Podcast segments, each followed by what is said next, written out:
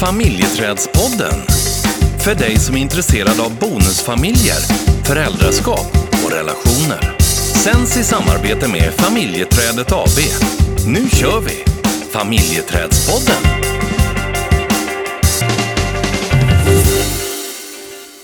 Hej Sara Winter. Hej Thomas. Vad kul att du kunde komma hit. Ja, det tyckte jag också. Ja. Eh, och du jobbar ju i ett företag som heter Familjefokus. Mm, det Mm. stämmer. Hur länge har du gjort det? Det har jag gjort sedan 2016. Startade jag och Karin det tillsammans. Ja, och Karin är Karin Hellander Precis. som vi också har haft här i podden. Mm. Ja, vi valde att dela på er. Ja, Ja. någon gång ska man göra det. Ja, precis. Eh, 2016, det är fem år Mm. sedan.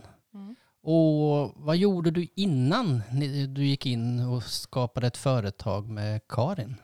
Ja, men jag är socionom så jag har jobbat eh, länge inom socialtjänsten. Ja. Så jag började på, inne på, på byrån som man säger Ja. med utredningar och sen eh, via en kort period inne på polisen som socionom där eh, så kom jag till öppenvården. Ja. och det var där jag stannade och det var där jag trivdes allra mest. Okej. Mm. Men det här med att jobba hos polisen, be, beskriv det lite grann. Mm. Då skulle man göra utredningar enligt eh, lagen om unga lagöverträdare. Ja. Eh, och då satt jag med på polisförhör när ungdomar har gjort brott. Eh, eller var misstänkta för brott helt enkelt. Ja. Eh, så jag satt med på, och, på polisförhör och, och sen hade jag samtal tillsammans med ungdomarna och deras föräldrar. eh, Ja. För att göra den här utredningen. Och sen en stor del var att eh, eh, vara ambassadör nästan för socialtjänsten mot poliserna eller till poliserna. Att prata om det här, det här kan socialtjänsten göra och här kan vi mötas. Ja. Och sen tillbaka till socialtjänsten att det här gör polisen och det här, ja, vi kan mötas i de här, i de här arenorna och på, de här, på det här sättet. Ja. Någon typ av brygga egentligen emellan Ja. två olika, både ja, mellan polis och socialförvaltning. Då. Mm. Ja. Och, och det, vad hamnar man i för roll när det gäller ungdomarna då som har blivit eh, tagen av lagens långarm? Men jag, jag vet inte om det är, men kanske att, att de, alltså jag vet inte, Nej. de, de, de gillade ju inte att vara där överhuvudtaget. Nej. Men jag tror att spänningarna efter ett polisförhör Mm. och sen komma till, till socionomen. Jag vet inte om fördomen är kanske att man kommer till den snälle sen. Men eh, Mm. Mm. vi skulle ju prata om, eh, ja, nu minns jag inte riktigt vad det heter. Men, Nej. eh, Nej, påföljden, vad man kan tänka sig, vad man kan jobba med ungdomstjänst eller okej. vad man kan tänka sig att, att göra. Ja. Hamnar du i konflikt eh, gentemot poliserna i ditt yrke? Som... Nej, Nej. nej det gjorde jag inte. Nej. Inte, inte jag som person så, Nej. utan mer eh, att försöka förklara hur Mm. pass, ja, socialtjänstlagen, att det är, en, en ramlag och Ja, att allting däremellan kan vara, det kan vara rätt. Och att ehm, till, först och främst så måste vi jobba på frivillig basis och Ja. försöka hitta lösningar och hitta möjligheter att, att jobba med familjen och den unge. Ehm, Så, så någon konflikt upplevde jag inte, men Nej. kanske att det kanske var svårt att förstå. För att jag tänker också att som polis, man har jobbat länge och det är samma ungdom som kommer tillbaka om och om igen, eh, det är klart att man får nog. Mm. Tänka att nu måste socialtjänsten göra någonting. Ja. Och det gjorde vi, men vi kunde inte berätta allting. Och det är klart, eh, ram, vad sa du, ram? En ramlag. Alltså. Just det, Mm. precis. Och i den ramlagen så finns det utrymme egentligen för olika tolkningar. Ja, precis. Mm. Och sen eh, efter polisen där så hamnade du i, Ja, då ha- hamnade jag i öppenvården. just det, öppenvården. Mm. Ja. Och hur länge var du där? Är knappt jag minns. Eh, ja, jag kommer inte ihåg årtalen, men jag slutade det i alla fall. Eller jag träffade Karin där, Karin Hallander. Ja. Så var där vi träffades för Ja. länge sedan. Eh, och sen var jag i öppenvården ända fram till 2020, så Ja. det är ganska många år. Okej, så du var där parallellt med Ja, att ni startade precis. företaget? Mm. Ja. Så sen 2020 i augusti så är jag heltid i, i familjefokus. Ja. Så då Som- tog du steget Då fullt tog vi steget. Ja, visst är det läskigt? Ja men det var döläskigt. Ja. Men det är också det bästa jag gjort. Ja. Att nu får jag göra det jag vill, när Ja. jag vill. Ja, just det. Och, och det var egentligen en av mina frågor. Vad var det som gjorde att du ville starta ett eget företag? Ja men det var ju en, en del olika, men det främsta är att, att faktiskt få jobba med det.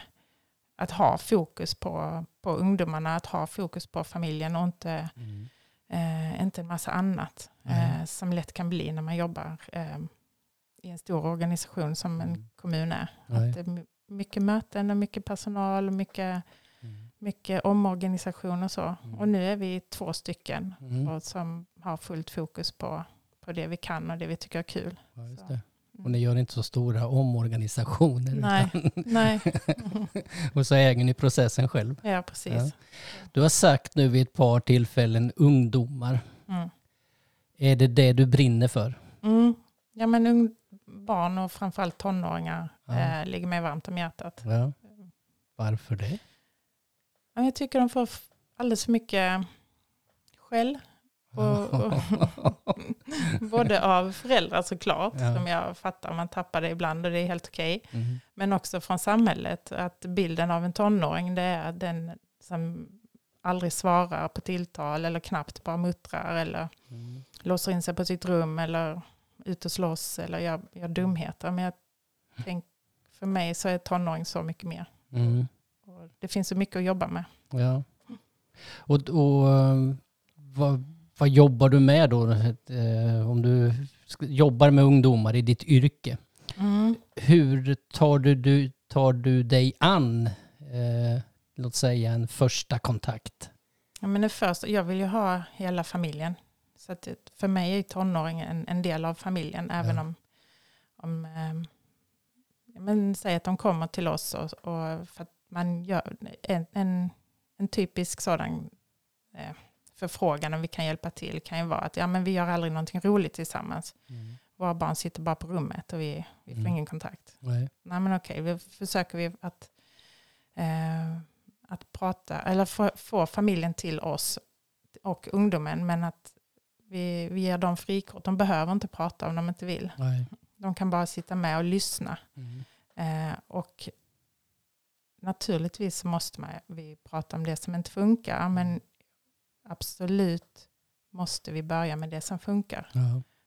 Eh, och då, Är det nyckeln till att kunna jobba vidare med familjen och om det handlar om en ungdom här som har kanske strulat till det? mm, jag tänker det. Mm. För den ungdomen är ofta van vid att bara höra det som inte funkar. Ja. Hur dålig han eller hon är på Ja. ditten och datten. Mm. Och då tänker jag att då börjar vi i andra änden. Mm. Men, men va, varför är det på det sättet? Jag har funderat också på det.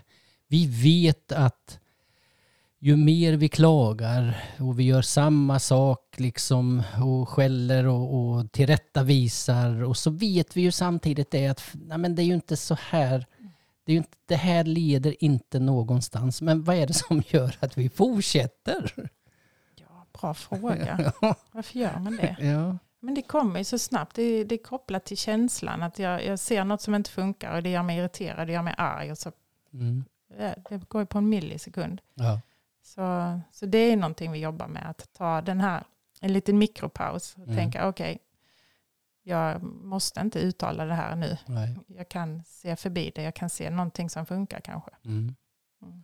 Och om du, nu har du en familj framför dig. Eh, Det är kaos i familjen eh, och föräldrarna är trötta och slutkörda på den här ungdomen. Eh, Och sen så, eh, som du beskrev förut, så eh, ja, försöka att få fram saker som fungerar. Eh, Finns det saker i alla familjer som upplever ett kaos att det finns positiva saker också? Nej, man får ju inte... Alltså det kan ju vara kränkande att bara sitta och prata om det som funkar när ingenting funkar. Nej. Det, man, får ju, man får gå varsamt fram. Ja. Eh, och kanske titta bakåt. Vad är det du saknar då? Mm. Vad, vad, var det, vad, vad, vad gjorde ni tidigare som ni, som ni, eh, Mm. när ni hade roligt? Och vad är det som, vad är det som gör att du, du vill För föräldrarna har uppenbarligen inte tappat hoppet eftersom de kommer till oss och ber om hjälp. Så Ja. där är ju någonting som de längtar efter. Och den längtan kan man prata om. att ja, men Jag längtar efter att få sitta tillsammans med min unge och, och bara se på film. Ja men då kan man jobba på det. Mm. Att, eh, man Mm. behöver inte göra det så stort. Man Nej. kan sitta tyst tillsammans. Och, och vad, är, vad, är det, vad är det som gör att man ska komma till dig och till Karin eh, som familj då? Eh, vad, ja, vad gör ni? Ni- För ni är ju ganska framgångsrika tänker jag. Men vi försöker ju hitta, hitta varje familjs unika, det de faktiskt vill ha hjälp med. Ja. Och så jobbar vi med det. Mm. Och inte det som andra, eller det vi, vi kan ju tycka en sak, men det är inte riktigt relevant. Nej. Eller vad samhället tycker eller vad skolan tycker. Utan det handlar om vad, vad tycker den här familjen, vad är viktigt för dem. Mm. Och så försöker vi, och kanske vet de inte första, första samtalet vad Nej. som är viktigt. Det vad- men vi får undersöka det tillsammans. Mm. Så det är väl det, Mm. Det är väl där framgången ligger, Ja. tror jag. Mm. Att mötas. Mm. Mm. Ja, och det låter ju för mig också som en följsamhet, eh, inlyssnande och att det kan ta tid. Mm. För det kan jag uppleva så att eh, om man inte om man är i en familj eller i en relation eller vad det nu kan vara där det inte fungerar och det kanske är kaos till och med. Att man, ju, man vill ju att det ska gå så snabbt så att jag liksom blir av med det här som inte känns bra. Mm. Men det kan ju ta oerhört lång tid. Mm. Ja, men vi brukar inleda med det. Alltså, har, man, har, man, har man bekymmer i en familj och man kommit så långt att man söker hjälp, Mm. då har man haft bekymret ett tag. Ja. Det är inte så att man, man söker direkt, det blir jobbigt, utan man försöker lösa det mesta hemma själv. Mm. Så när man väl kommer till oss har det gått långt och då, då tar det också lite längre tid att, eh, Mm. att fixa till det. Mm. Det första jag tänkte på när, när eh, vi pratades vid och, och du pratade om föräldrar som inte hinner med. Mm. Så hos mig slog det ju till direkt liksom psykisk ohälsa. Mm. Men du har, du tänker lite, eh, jag ska kalla det bredare, lite vidare omkring det. Berätta lite grann om vad det kan vara. Men jag tänker, tänker på alla oss, för jag säger oss för det, kan, ha- det drabbar oss alla, att vi, vi hamnar i, i stress eller i att eh, det funkar inte i min parrelation eller och jag är ledsen av, över någonting. Det kan vara sorg, det kan vara besvikelser och alla känslor som gör att jag är mitt uppe i mitt eget och glömmer bort eller hinner inte eller eh, glömmer bort min, min ungdoms eh, känslor Ja. i det hela. Ja. Och det är så lätt att låta en, ett barn eh, ja, flyga under radarn eller vad man kan säga. Mm. Att ja, men försvinna in på sitt rum eller försvinna in i sin skärm och, och det är rätt så gött Ja. för alla ett tag. Ja. Men, och det är inget farligt heller ett tag. Men när, när det blir ett tillstånd som blir för länge då, Mm. eh, då kan det också bli problem. Mm. Vad, vad, kan, vad kan det bli för några problem? Men att man inte vågar sen ta steget att fråga hur mår du? Och att man inte, att man inte ser när, för om jag, jag som vuxen är helt upptagen med mitt Mm. så ser jag ju inte vad som händer med mitt barn kanske. Nej. Nej. Och i perioder kan det vara okej. Ja. Men när det blir långvarigt så, så behöver man, Mm. om man inte orkar se det, Nej. så behöver man söka hjälp så att Mm. någon ser Ja. och tar hand om Mm. barnet. För vad som kan hända då, är det där du säger att relationen emellan förälder och barn och ungdom, att man glider isär och, och tappar kommunikationen och, och det kan vara svårt att hämta hem den. Är det...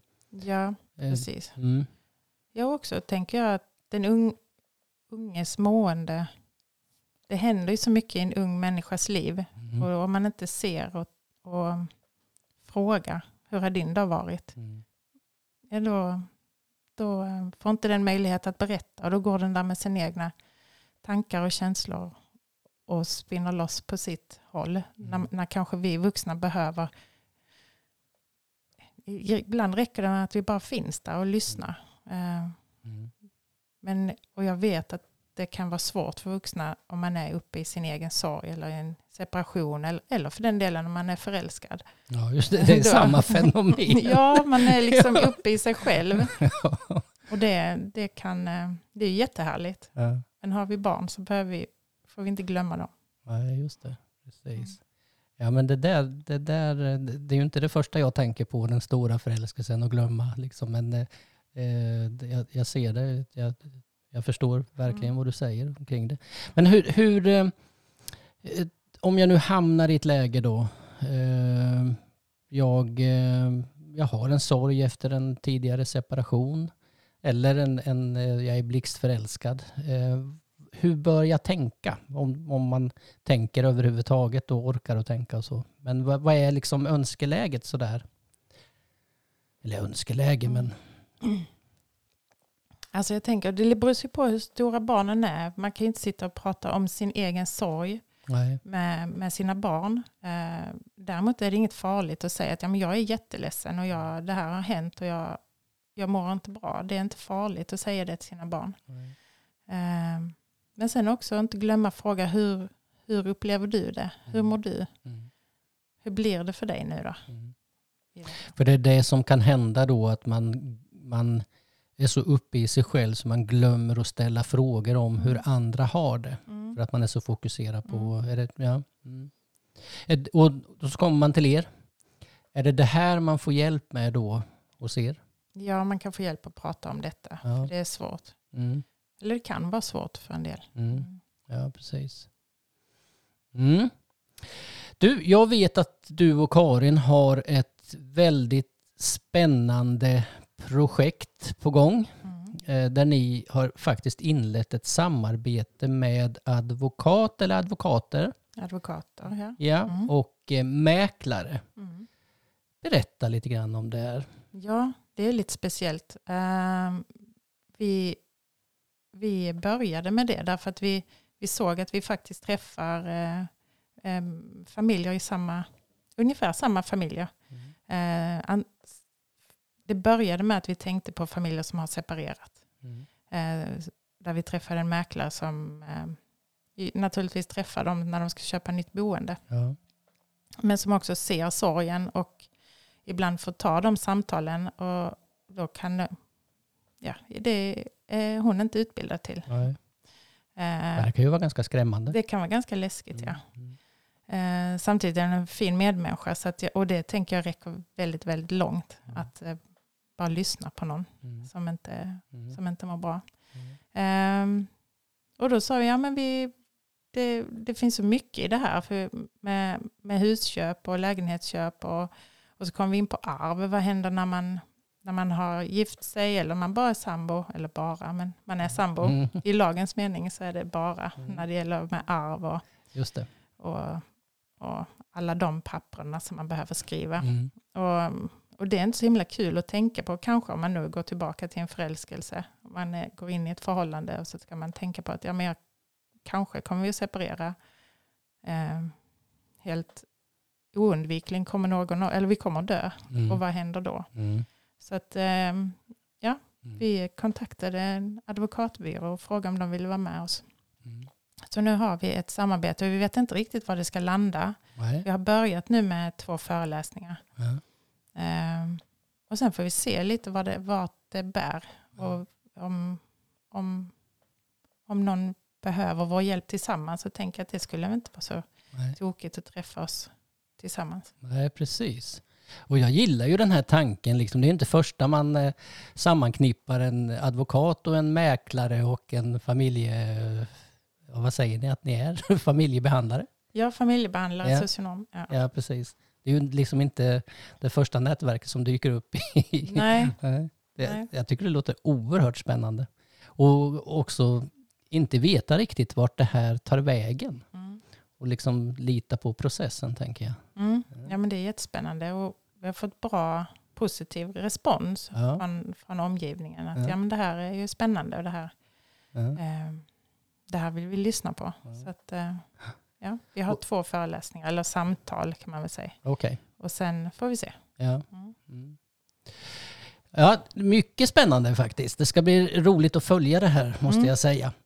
Eh, jag vet också att eh, berätta lite grann om det här med skilda världar. Ja, det är en eh, gruppverksamhet egentligen eller, som BRIS eh, startade.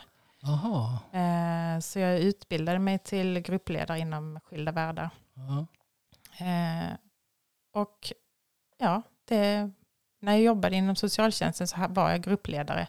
Det är svårt att ha grupper som eh, privat, men däremot använder jag mig naturligtvis av det, det materialet eller den kunskapen jag har. Eh, att prata med barn om, om att, att leva i en familj som har, där mamma och pappa har separerat. Ja. Ehm, och det absolut viktigaste för barn det är att eh, få ha tillgång till både mamma och pappa, eller Ja. båda föräldrarna. Eh, och att få lov att, att tycka om båda. Eller att få lov att inte tycka om Ja. också. Det är Mm. också jätteviktigt. Mm. Och att få uttala det någonstans. Så det här handlar om eh, par som är separerade. Mm, Mm. precis. Ja. Och deras barn framförallt. ja, precis. Mm. Ja, jag förstår att du värnar om barn och Mm. ungdomar. det- Ja. ja, men alltså de vuxna är ju de, det är de viktigaste för barnen. Ja. Oavsett Mm. hur man mår eller hur man bor. Mm. Så, så är de vuxna de viktigaste. Så jag vill ju absolut stötta de vuxna men ha fokus på barnen. Mm. Om man kan säga så. Ja. Absolut, och, och jag gillar det när du sa, man kan ju tycka att, precis som du var inne på förut, att tonåringar är brötiga och, Mm. och ställer till det. Men det var ju som du sa, att eh, ja, vem ska ställa upp, vem ska liksom ställa upp på dem då, om ingen gör det? Utan, ja, att det, och det, det, det verkar ju som att ditt hjärta ligger mycket åt barn och ungdomar och så. Mm. Vad, vad, är det, vad är det hos dig som gör att eh, eh, du har att du brinner för, för barn och ungdomar? Och, om man skulle titta på din, dina förmågor och personligt och sådär. Ja. Det var en svår fråga. Men, ja, men det var det. mm, Ja, men jag vet inte riktigt varför. Jag, det kan jag inte svara på. Men jag, rent instinktivt så tänker jag att någon... Ja, men man måste lyssna på barn, man måste lyssna på de unga. Och vi vuxna bara kör på ofta. Eh, och så man har en tanke om att man vill inte, man vill inte eh, störa eller förstöra för barnen. nej, Och så, så gör man sitt vuxengrej ja, och så hänger barnen bara med. ja, Men jag skulle vilja att man är mer öppen på barns nivå. Alltså man kan inte öppna upp hela sitt känsloregister men, men eh, ändå få med sig barnen så att de förstår vad är det som händer, vilka förändringar vi står vi inför. mm, Och så, så, att, så att man inte bara gör sin vuxna grej. nej. Det, blir det begripligt? Ja, eller? absolut. Ja. Och jag tänker också på det som är lätt att hamna i när det gäller tonåringar och, och som är på väg in i vuxenvärlden med ena benet och så har man kvar, kvar det andra benet i, i barndomen. Mm. Eh, och att det, det, är lätt, det är lätt gå på det här att eh, ja, men de vill vara själva, de vill vara i fred och de vill stänga dörren och, och så. Hur ska man hantera det? Nej, men jag tänker väl att man kan låta dem stänga dörren men man får ju knacka på Ja, och fråga hur, eh, hur har du det där inne? ja, Vill du ha sällskap? För att Mm. jag tror inte att bara för att man är tonåring så vill man vara ensam. mm, Utan eh, du som förälder behövs absolut i tonårstiden också. Mm. Sen får du stå ut med ganska mycket. mm. Eh, men det är också en förälders jobb att eh, kunna stå ut med, med olika saker. Ja, Mm. precis. Så knacka på ibland, stå ut Ja. ja, och, var och ställ eh, frågor. Mm. Om vi skulle sammanfatta det här. Det här Mm. gick ju lika bra som eh, att hålla tiden som när jag pratade med Karin här. Så att tiden rinner iväg. Mm. Eh, om du skulle ge då, jag brukar alltid ställa den som sista fråga, om du skulle ge ett gott råd till eh, separerade föräldrar och deras gemensamma barn. Vad som kan vara bra att tänka på. För, ja. Mm. Ja, men jag vet att det är jättesvårt för att man, det är så mycket känslor som spelar in. Men att försöka ställa frågan i nästan varje beslut. Hur blir det här för barnen? Även- Att ta in barnens perspektiv. Ja, Mm. alltså kan, man måste inte ställa frågan till barnen men Nej. ändå ställa sig själv. Hur blir det för barnen om jag gör så här? Mm. Eller om jag inte gör så här? Mm. Så, mm, Bra fråga till sig själv. mm. Mm. Du Sara, tack så jättemycket för att du ville ta din tid och vara med i den här podden. Ja, men tack själv. Ja, och lycka till nu med ert företag Familjefokus. Var, var hittar man er?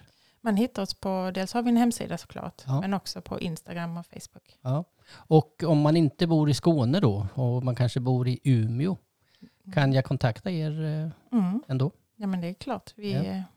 ja, vi har ju lärt oss att bli digitala som bra. alla andra.